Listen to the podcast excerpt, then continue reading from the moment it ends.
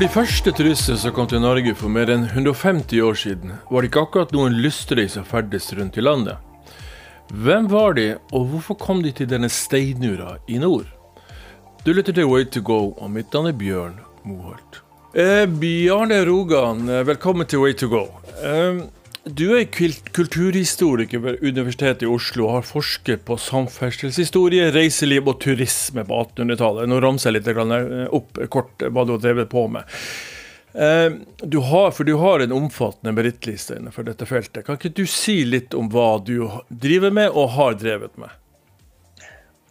Ja, når det gjelder samferdselshistorie, så blir det kanskje mest hva jeg har drevet med. men jeg startet min eh, universitetskarriere, om du vil, med å ta en eh, doktorgrad om et tema som eh, veldig få hadde beskjeftiget seg med og visste noe om, nemlig skyssvesenet i Norge på 1700- og særlig 1800-tallet. Og Der var det mange rare teorier fra historikere om at skyssvesenet var en, en plage for norske bønder og en uting, men jeg gikk veldig nær innpå det. og en doktorgrad er jo en solid sak, mm. eller var det i hvert fall. Eh, og fant ut at denne, denne skyssordningen eh, faktisk eh, ikke hadde vært så upopulær som politikere og historikere, eller datidens politikere og historikerne senere mente. Så da var en ordning med mange sider. Men så gikk jeg fra etter hvert fra skyssordningen til å se litt bredere på samferdselshistorie og den tidlige turismen og har skrevet om ganske mange temaer eh, fra området om veier og veiutbygging og sunnmannsvesen, fergevesen. Og holdt på med det i en del år, inntil jeg har spredt meg litt mer på andre kulturhistoriske felt. Men uh, det gamle reiselivet uh, har fått sin uh, renessanse i popularitet. Så mm. det er ikke så rent sjelden jeg har måttet lage noen kortere artikler og gjennomføre noen intervjuer omkring det temaet der. Ja, du, for du sendte meg over en PDF her av 'Gjestfrihet i Norge eldre tid, myte og virkelighet'. og Den var jo strødd med litt humor også, syns jeg. Men vi kan komme litt tilbake igjen til, til, til, til det. Eh, hvem var de første turistene som kom til Norge? Altså Ordet turist er jo kanskje et, eh, et, i dag et ladet begrep, men hvis vi skal kalle de turister? Ja, ja la oss uh, starte med ordet turist. Altså det, det dukker opp Det fantes ikke før midten av forrige århundre i norsk språk, norsk-dansk. Det dukker vel opp først rundt 1840-50, uh, ordet turist. Og nettopp eh, tiden 1840-50 det var et, eh, et, eh, la oss kalle det et vannskille i reiselivet. Og så, mm, For da begynte en ny type reisende å komme til Norge. Jeg kan komme tilbake til det. Og så går vi 50 år senere, sånn like før århundreskiftet, 1890-tallet, så begynte det vi kan kalle en form for masseturisme. Og den varte frem til uh, første verdenskrig. Det var naturlig at det var en bråstopp i turismen. Også, men ordet turisme er egentlig først i bruk i mellomkrigstiden i Norge. Mm. Så det er et relativt moderne fenomen. Uh, du spurte hvem det var mm. som var turister. La oss si at de reisende på jeg kaller det det på første halvdel av 1800-tallet. Eh, turisme er vanskelig å bruke den, for den perioden. Når det gjaldt nordmenn først, siden vi er i Norge, så var det det var embetsmenn og tjenestemenn av ulike, blant ikke minst eh, militære, som var på tjenestereiser. Så var det noen stortingsmenn som skulle inn til hovedstaden på Stortinget til og fra på sesjonene. Så var det noen studenter som studerte i Kristiania og bodde kanskje i Bergen og andre steder. Eh, og så var det en del oppmålere. Norge ble jo målt opp på denne tiden og kartlagt, som reiste rundt. og men, men Bjarne, når vi, snakker om, om, reiser, så tenker vi jo litt Eller turisme, da. Så snakker vi litt om fritidsreiser. Det var vel ikke så mange som dro på fritidsreiser i Norge Nei, på den tiden? Det, det, var ikke det, altså. det måtte kanskje være kunstnerne da, som skulle ut og tegne folkedrakter og norsk natur. Men når det gjelder fritid, så vil jeg si altså, da går vi spesielt til utlendingene, så var de første de var oppdagelsesreisende, eller det var naturvitenskapsmenn som studerte geologi og botanikk. og det var faktisk en del, god del politiske flyktninger etter, etter revolusjonen ute i Europa og, og napoleonstiden. Så det er først omkring 1840, altså som jeg sa, den mm. markante endringen i reiselivet, at folk begynner å komme for egen maskin eh, og gjør det som en fritidsbeskjeftigelse. Riktig. Um, jeg har lest et sted her at uh, da de norske vassdragene ble, ble, utviklet, på, særlig på Vestlandet i Norge, så var det mye engelskmenn som kom over, og de begynte eh, å, å, utforske naturen rundt. De skulle jo drive på med noe annet enn å jobbe da. Og da, da utviklet kan du si, et slags reiseliv seg i Norge ut fra det. Stemmer det? Eh, ja, så blant eh, de tidlige turistene så var jo engelskmennene, utenlandske turistene så var engelskmennene i flertall. Og, eh, men det var jo for å fiske laks og ørret.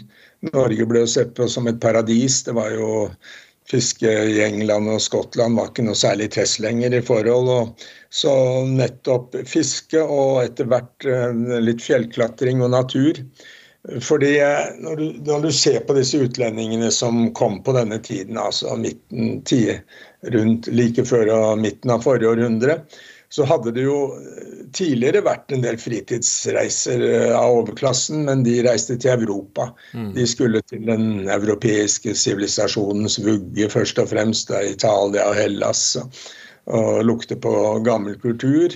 Men så etter hvert begynte også Alpene å trekke til seg folk. Mm. Men, eh, men, eh, Europa var tett befolket, store byer. Det var liksom sivilisasjon nesten overalt.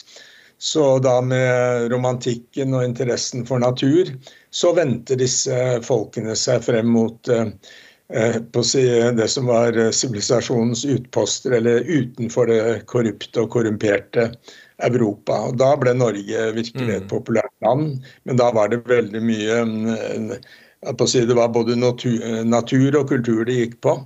Men uh, da var det fritidsreisen det kom. Riktig. Og på den tiden skjedde det også betydelige forandringer i infrastruktur og, og reiseliv i Norge som gjorde det mulig å ikke være ute i villmarka nærmest som de første tidlig 1800-talls eh, turist- eller reisende opplevde. Nettopp. En del av disse engelske, og kanskje, kanskje ganske mange av dem, kom fra større byer i, i Storbritannia. Eh, og de var vel på den tiden ganske forurenset, stemmer ikke det? At de også flyktet litt fra, fra, fra dette fenomenet? Jo da, det var den frie natur. Den norske industrien var veldig liten og begrenset. Mm. Fyrstikkfabrikker og noen litt til i Kristiania. Så, så, det betydde mye. Men eh, det som jo er eh, ganske morsomt eller interessant i denne sammenheng, er jo at vi snakker jo i dag om, fortsatt om annerledeslandet Norge. Og hvis det begrepet annerledesland har noen mening, så gjelder det virkelig for tidligere tiders eh, samferdsel. Ehm, det var jo sier, si litt om det. for at, eh, Jeg leste jo dette innslaget på forskning.no. Da lo jeg litt i mitt stille sinn over de strabasene som disse besøkende måtte gjennom for å komme hit. Én ting var jo transport, annen ting var mat. Og, og det tredje var vel egentlig dine selve husværet. Fortell litt om hva som møtte, møtte disse, disse oppdagerne. Ja, altså For det første var det jo selve mm, reisemåten. og I annerledeslandet Norge så uh, var helt annerledes organisert enn ute i verden. Det var faktisk norske bønder som fraktet alle reisende ute i Europa. Så hadde man dilisjanseordninger, faste stasjoner, eh, vogner eller dilisjanser, eh, altså vogn, store vogner og kusker og faste ruteopplegg. I Norge var det overhodet ikke slik. De måtte selv organisere sin reise og skaffe til veie. Det var, eh, vi hadde den såkalte skyssordningen som var helt unik for Norge. Det fantes noen spor av den i Sverige, men det var noe typisk norsk. Jeg kan godt si noen ord om den, for den var veldig spesiell. Gjør det, gjør det. Om dette med overnattingsmuligheter og sånn, som ikke var eh, særlig gode i Norge. Men når det gjelder selve reise- og befordringsvesenet, så eh, Norge var jo et land som var Eh, hva skal vi si da, Topografien var jo veldig annerledes. Det var store avstander, det var eh, veldig spredt bosetning, det var få urbane sentre. Slik at det var veldig vanskelig å organisere noe fast reise- eh, eller kommunikasjonsordning. Og i tillegg kom årstidene, som er veldig viktig i den sammenheng. I Norge så foregikk omtrent frem til midten av 1800-tallet, og egentlig frem veldig langt ut på 1800-tallet, så gikk opptil 90% av reiser og transport om vinteren. Mm. Hvorfor det? Vi hadde jo et elendig veinett, og vi hadde, det var sølete veier vår og høst. Eh, så det var liksom reisesesongen var januar, februar, mars, når det var godt sleaføre. Og så var det eh, juni, juli, når var, veiene var tørket opp en kort periode før høstregnet satte inn. Så det var veldig begrenset når man reiste i Norge tidligere. Så, eh, unnskyld, bare, bare stoppe deg litt. Hvor lenge var, ja. varte dette her? Altså, det, eh, til midten av 1800-tallet at det var såpass dårlige kår for, eh, for omreisende veimessig? Det, kom, kommer litt an på hvor i, hvor i landet du er. Men um, så rundt hovedstaden, rundt Trondheim og de, største bysentrene, så begynte Så endret forholdene seg allerede 1830-40-tallet. Men det var mange steder i landet hvor dette varte ved helt frem til ja, nesten ut 1800-tallet. Og husk at norske bønder over to tredjedeler av Norge, tre fjerdedel, de hadde ikke hjuldoninger i det hele tatt før etter midten av 1800-tallet. De brukte sleder. Mm, mm. Eller kløv og, og, og riding, faktisk. Til eh, godt etter midten av 1800-tallet. Så de hadde ikke engang vogner å kjøre mm, de reisende med. Mm. Eh, så engelskmennene kjøpte jo ofte egne vogner når de kom til Norge. Og der er det én vogntype som virkelig var et trekkplaster. Altså datidens sportsvogn som eh, het Karjol. Den fantes på denne tiden bare i Norge. Det var um, godt Det er en den var, finnes, fantes nok noen i Europa på 1700-tallet, men den gikk ut. Skarjolen er en enseters sportsvogn, som jeg pleier å kalle den. Hvor turistene selv måtte sitte ved, ved tømmene og styre hesten. Og den var en rask vogn, den var uh, veldig spesiell. Så Norge ble kalt Karjolandet, og det var flere som så på det som en av de store attraksjonene å reise rundt i Norge i en rask, sporty karjol. Litt sånn som skuteturismen i Nord-Norge, på en måte. Du får lov til å styre ja, denne, kan... denne skuteren selv. Ja, Den hadde ikke engang eh, fjæring, eh, men den det var et sånt lite sete som lå foran på mm, skjekene, eh, midt mellom hesten og hjulene. Så de lå duvet bortover landeveien og, og koste seg. Eh, men eh, det, det vanlige skysskjøretøyet, hvis bøndene skulle stille med det, og det, det har jeg ennå ikke fått snakket om om skyssordningen, så var det kjerrer, hjulkjerrer. Humpete, harde på dårlige veier. Så um, vi har mange saftige beskrivelser av hvordan det var å sitte og humpe på en åpen kjerre i Norge. Oslo, Kristiania, Trondheim f.eks. en syv, åtte, ni dager. Åpen kjerre, vonde veier, regn og, og skit, holdt jeg på å si. Så det var eh, veldig tøft å reise i Norge i den perioden. I høyeste grad for spesielt interesserte, altså? Ja, det kan du si. det kan du si. Mm. Men vet at eh, vi hadde, nettopp pga. det jeg sa om at Norge var så tynt befolket og spredt bosetning osv., så, videre, så var det bare én måte myndighetene klarte å administrere en slags reiseordning på, og det var dette skyssvesenet. Mm. Og det var rett og slett at omtrent som eh, verneplikten. Eh, altså Bøndene var pålagt eh, plikt til å befordre reisende. Alle som hadde jord. Det gikk ikke på pengeinntekt, men det gikk på om du var jordeier eller, jordeier eller jordbruker. Alt etter størrelsen på gården, så måtte du rykke ut så, eller på jordveien din, så måtte du rykke ut så og så mange ganger i året. Det var et veldig finurlig system, men rundt, landet rundt så var det i prinsippet, jeg sier i prinsippet, for det sviktet ofte, så var det skyssskifter eller skysstasjoner. Og når den reisende kom dit, så måtte han melde fra til han som het skysskaffer, han som skulle skaffe skyssen, altså en bonde i nærheten til å kjøre ham videre til neste skifte. Jeg synes Det er veldig spennende det du sier her, ikke minst om hvordan, eh, hvordan disse folkene, til tross for de store utfordringene de hadde, så, så ville de altså komme til eh, Norge og oppleve et land som var altså helt annerledes enn alt det andre som var finnes på kontinentet. Eh, det må jo ha vært en, en attraksjon. Hvor mange snakker vi om som kom hit på den tiden? Ja, altså Det finnes det ikke noen statistikk på. Men, eh, men, jeg mener å huske at sånn rundt eh, frem mot På slutten av 1800-tallet, når masse, såkalte masseturisme var i gang med, med dampskip osv. som kom inn til vestlandsfjordene med folk, så kunne vi snakke altså På 1890-tallet kunne vi snakke om en 30 000 besøkende i året. Mm. Mens det kunne være til Sveits kunne det fortsatt være en million reisende. Så, så, det, var, det var ennå relativt få. Men går du tilbake til før 1800, så var det ikke mange tusen hvert år som kom til Norge. Jeg vil si uh, må telle dem i hundre og ikke i tusener. Eh, vi, vi, snakket om, eh, vi, snakket om, transportbefordringen. og, så, og så, de, så, kom de da til et sted, eh, og, og, da skulle de jo gjerne overnatte. De måtte jo ha et sted å, å, sove. Hva var det de kom til da?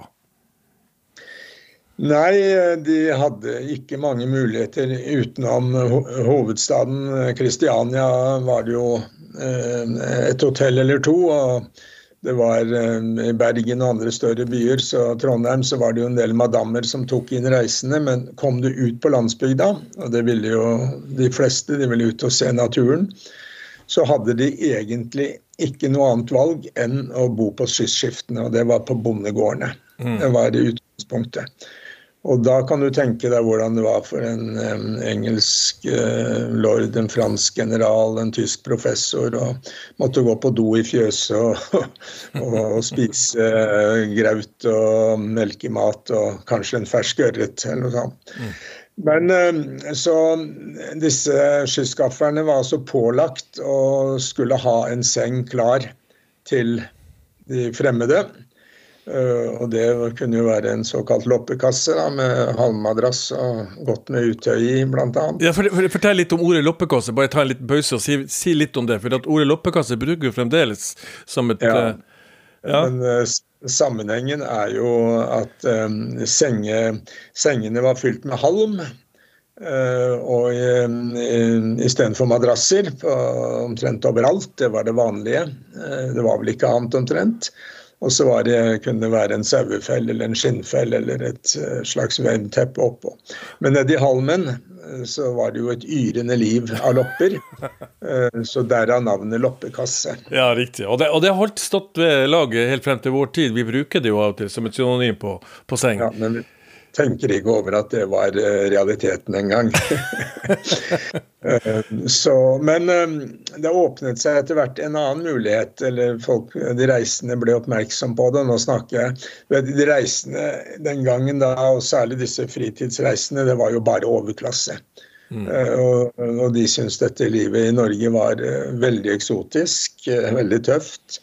Eh, men, eh, så de ville gjerne reise og se på naturen og ha glede av det. Og for så vidt møte kulturen. Men det var én annen mulighet, og det var prestegårdene, eller embetsmannsgårdene, men særlig prestegårdene. Så det ble veldig vanlig å banke på prestens dør eh, istedenfor å ta inn på skyssskiftet. Og prestene tok faktisk imot eh, veldig mange reisende. Det var en veldig viktig institusjon i turismens tidlige historie og i reiselivet på den tiden. De hadde store gårder, og de hadde en helt annen komfort, naturligvis. Eh, men eh, på en annen side så kan man spørre hvorfor prestene gadd å ta inn, ta inn fremmedfolk på den måten der. Og Det har sammenheng med at de var, levde fryktelig isolert ute på landsbygda. De hadde, de hadde, nesten ikke andre å snakke med om, om La oss si ha en kulturell prat. En, Lensmannen var gjerne en bondelensmann, men det kunne jo være en sorenskriver i nærheten av nabopresten som bodde en halv dagsreise eller en dagsreise unna. Så de kanskje et par ganger i året. Så de lengtet rett og slett etter kontakt med eh, gåse, eller med, med dannede mennesker, eller mennesker av mm. deres egen stand. Og da kom turistene um, som en lykkelig løsning for mange av dem. De tok det inn. Turistene bodde gjerne én og to og tre netter på prestegårdene. Prestene syntes det var hyggelig å ha selskap. Og for dem var det jo en uh, lykke å slippe unna Eh, bondekulturens eh, mer ubehagelige sider. Så dermed så tjente begge på det. Det var en vinn-vinn-situasjon. Turistene fikk et sted å bo. Og prestene, og for så vidt også andre embetssorenskrivere kunne det også være, men særlig prester, de fikk høre nyheter fra utlandet, de fikk snakke engelsk, tysk og fransk om de ikke gikk på latin. og de de fikk rett og slett eh, godt selskap i et par dager. Tok de, Så, tok de, seg betalt for dette her, da? Nei, det gjorde de ikke. Det var rett og slett, og Dermed så ble Norge kjent for å være et usedvanlig gjestfritt land i, i disse kretser det, betalingen var egentlig selskapet. Ja, Fortell litt om det. for Du sendte meg um, over et, en, liten, en, liten, tekst om dette her med gjestfrihet, den norske gjestfriheten. Uh, og uh, jeg tror jo titulerte det 'En myte eller virkelighet'. Uh, og i Europa så hadde man da et, et, et, forhold til dette her, at Norge var et spesielt gjestfritt land. Har det sammenheng med det du sier her nå? at prestene var så sosialt sultne at de, at de rett og slett tok inn folk, eh, koste hva det koste ville. Ja. Det er jo enkelte teologer som vil ha det til at det var den kristne etikk som gjorde at at prestene tok inn. Eh, jeg skal ikke se bort jeg tok inn reisen, Jeg skal ikke mm, se bort ifra at de mm, på en måte forbarmet seg over de reisende, men, eh, men, det var like mye til deres egen glede og fortjeneste. Altså ikke for økonomisk fortjeneste, men sosialt. Mm. At de fikk selskap. De fikk jo høre nyheter fra det store utland. og og ting som eh, Hvis de leste aviser, så kom det jo de en måned på etterskudd, så her kunne de få fersk, ferske nyheter. Og synspunkter på, på ulike kulturelle fenomener. Men Var det noen forskjeller her? Jeg er fra Nord-Norge, som du, du, hører, og der husker jeg vokste opp, så hadde vi ofte fiskebåter fra andre land som kom inn, og den nordnorske gjestfriheten mener man jo har sitt utspreng i at det var en kulturell utveksling der oppe ganske lenge. Dette fordi at du hadde sjøbåren trafikk i større grad. Eh, at det var lettere å komme til. Eh, kan du si litt om det? Ja da, det, er, eh, det var spesielt berømt for gjestfriheten. altså Hvis du går tilbake til, til 1800-tallet og tidlig 1800-tall de få reisende som reiste nordpå, var helt over seg over, over den voldsomme gjestfriheten. De, de, var velkommen overalt, aldri snakk om betaling. Det kunne bli eh, litt mye brennevin og annen drikking, syns da de kultiverte europeerne, men eh, de skålte med sine norske verter. Så, så Nord-Norge hadde ord på seg for å være eh, fullstendig ubesutlet av sivilisasjonens fordervelse. De tok imot åpent alle som kom, og beholdt de så lenge de klarte å holde på dem for selskapets skyld. Så de hadde et veldig godt rykte på seg nordpå. Og, og kom, kom, man den veien med båt, eller man tror vel ikke med hest og kjerre hele veien fra Oslo opp dit? Nei, nei. Det, det, var båt, og mm. båtskytsen er jo et eget kapittel å organisere reiselivet langs kysten i det hele tatt. Ja, riktig. Eh, så eh, det var jo det var, det var, det fantes på offisielle papirer skyssskifter og skysslag. Men uh, fiskebøndene, hvis det ikke var skrei eller sildefiske de store sesongene, så kappedes de jo om å få skysse folk. Og det kunne være roturer på en dag, to dager, en uke. Eh, så rett og slett de reisende tinget seg ofte båtlag for eh, lengre distanser oppover kysten. Og det var veldig populært eh, blant fiskebøndene, som ellers ikke hadde kontantinntekter i det hele tatt, utover noe tørrfisk de kanskje fikk solgt. Mm. Og det gikk jo rett til handelsmannen i alle fall, som de sto i gjeld til. Så, så dette var en av i dag, man, I dag, legger man, jo inn en bestilling på internett ikke sant, når man skal på hotell, men det var, ikke, var vel ikke slik den gangen. Og nå anmeldte eh, meldte din ankomst, så jeg vet ikke hvordan det foregikk i det hele tatt, om det var mulig på noe vis å melde sin ankomst, f.eks. til, til disse kyst...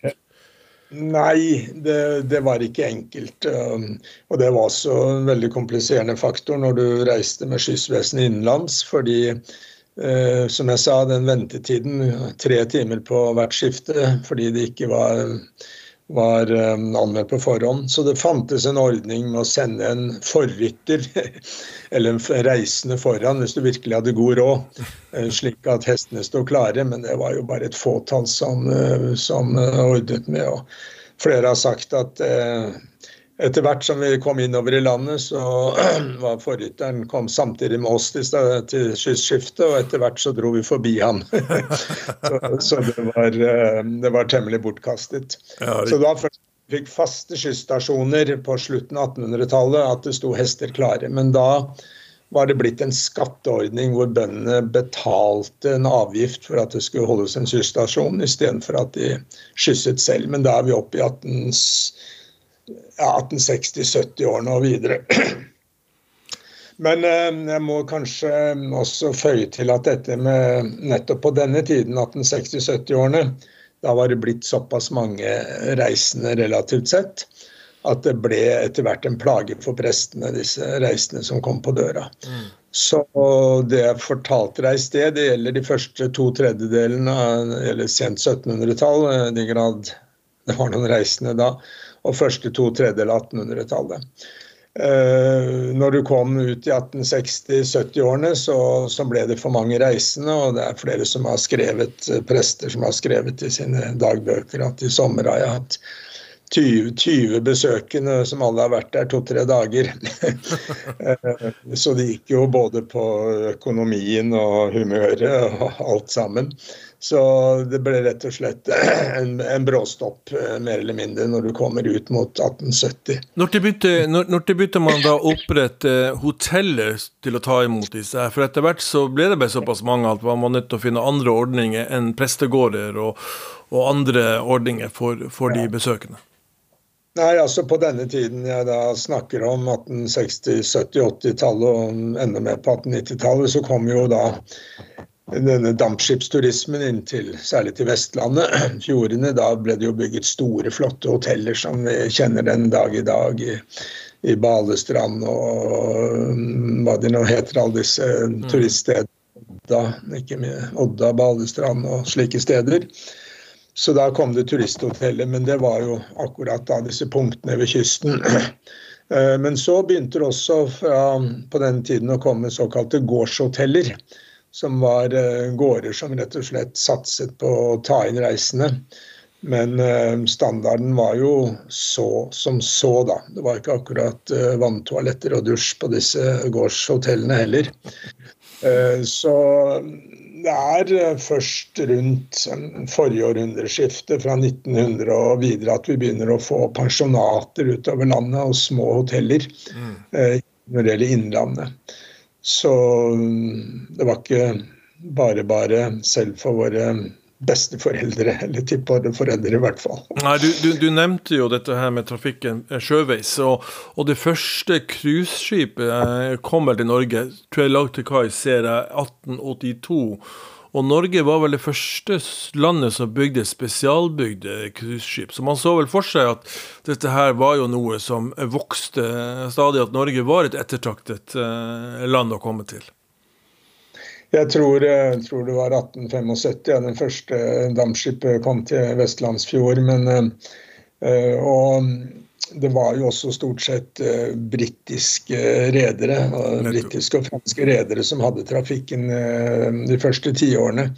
Jeg kjenner for dårlig til um, den skipsfartshistorien, uh, men nordmennene kom jo, de også.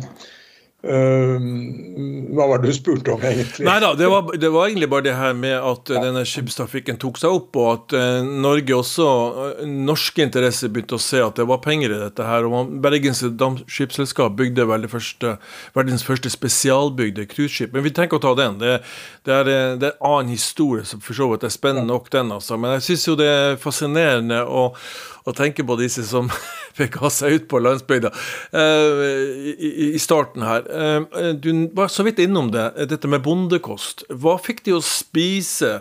For det har jo vært, som du sikkert vet, i reiselivet de siste årene en ganske stor kritikk mot det som serveres rundt omkring uh, over det ganske land. Det er jo blitt litt bedre de siste årene, men, men den gangen så var, det ikke, så var det ganske snaut. Stemmer ikke det? Ja, altså Hvis du går tilbake til uh, den tidlige perioden, så var det jo ren bondekost. altså Det var veldig mye melkemat, uh, graut og velling.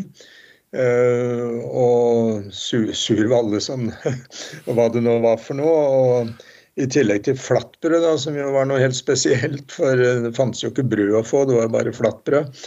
og kanskje litt spekemat og fersk ørret. Mm. Så kommer du opp i den dampskipsturismens tid som vi snakket om nettopp, og da ble det jo liksom eh, laks, laks og jordbær overalt.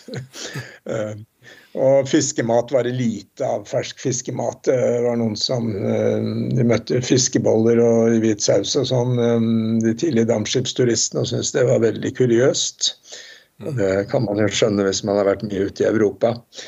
Eh, men eh, nei, det var eh, Kosten var som bekvemmeligheten ellers veldig lenge. Men ja, ja, det vil jeg tro. Du nevnte det jo for så vidt i det skrivet du, du, du, sendte meg. Når de kom til Norge, hvordan ble de Var det noe markedsføring av Norge på noe vis på den tiden her, eller var det bare, gikk det fra person til person? Og, og en annen ting er hvor, hvor, hovedsakelig i Norge, i starten i hvert fall, var det de dro til? Var det innlandet, var det kysten? Fremdeles så var det store trekkplasteret. Når det gjelder eh, markedsføringen, så um, fantes den jo egentlig ikke før eh, dampskipstrafikken begynte eh, til Norge. Um, men eh, det var én form for markedsføring som faktisk fungerte veldig bra, og det var reiseskildringene. Fordi allerede fra slutten av 1700-tallet, men spesielt tidlig på 1800-tallet, da disse engelskmennene og franskmennene og tyskerne følte seg som virkelig oppdagelsesreisende, så skrev de reiseskildringer. Vi har over 1000 slike eh, bøker fra første halvpart av 1800-tallet. Eh, på da engelsk, tysk og fransk for det meste, men litt på svensk og dansk. Og det, de fungerte jo som veldig reklame eh, for andre. Eh, som ble fascinert av dette livet som oppdagelsesreisende. Så mange av de reiste rundt med forgjengerens dagbok, publiserte dagbok i hånda. Eh, så det, fungerte innenfor dette lille, tynne overklassesjiktet vi egentlig snakker om. Men det ble jo også det var egentlig ikke kysten som trakk i første omgang. Det var, de dro innover i landet. Setesdalen var jo kjent for sin uh, Telemark Setesdalen var veldig var kjent for sin uh, tradisjonelle bondekultur. Og selv når dampskipene kom, så ble det organisert reiser innover for grupper. altså De kom til Odda, Balestrand og disse stedene. Og så kunne det gå hele mm, enorme eh, Hva skal jeg kalle det? Eh, ja, kolonner av kjøretøyer som bøndene stilte med på disse stedene hvor dampskipene anløp. Mm. Så mm, jeg har aldri Nei, Det var fjellene, det var ørreten, eh, det var den autentiske bonden. Gjerne han som nedstammet rett fra vikingene, det var de veldig opptatt av. Mm. Den gamle odelsbonden, det var jo noe helt uvant at bøndene var selveiere, f.eks. Og var odelsbønder. Det var jo, ute i Europa var det jo mm, godseiere som eide omtrent all jorda, hadde leilendinger eller, eller um, andre former for husmannsordninger. Så nei da, det var både Og så var det ja, de ville se den ekte nordmannen. ekte ubesudlede, ikke preget av ødelagt av sivilisasjonen. Så veldig mange dro innover fremfor å være ved kysten. Mm, ja, riktig. Spennende.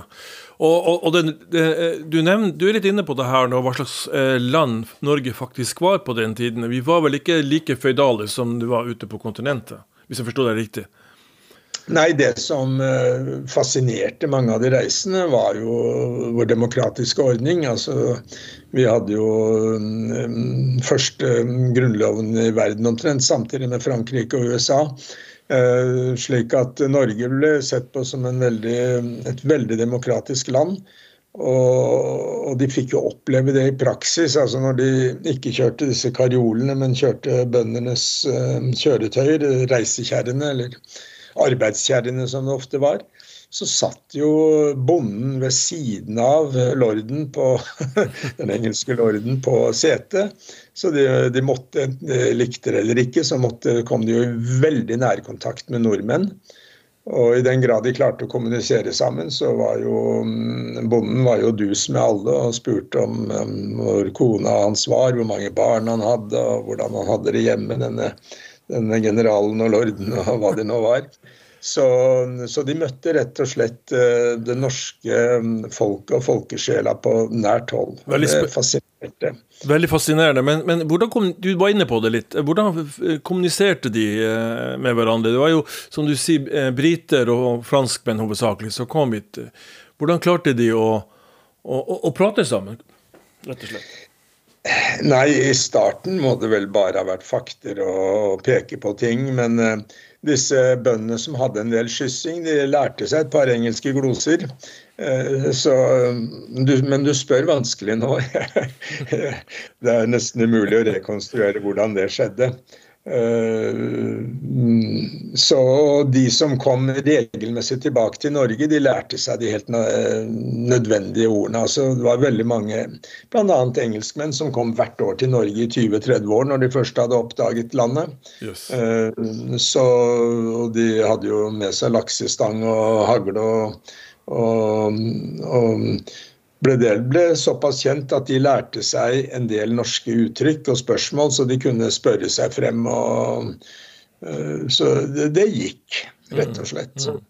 Det er veldig fascinerende. Vi skal, avrunde snart. her. Eh, eh, vi, vi, var litt inne på det, men, men på dette her med nordmenn. I, I, hvilken grad dro nordmenn sjøl ut av landet på, som, som turister, Bjørne?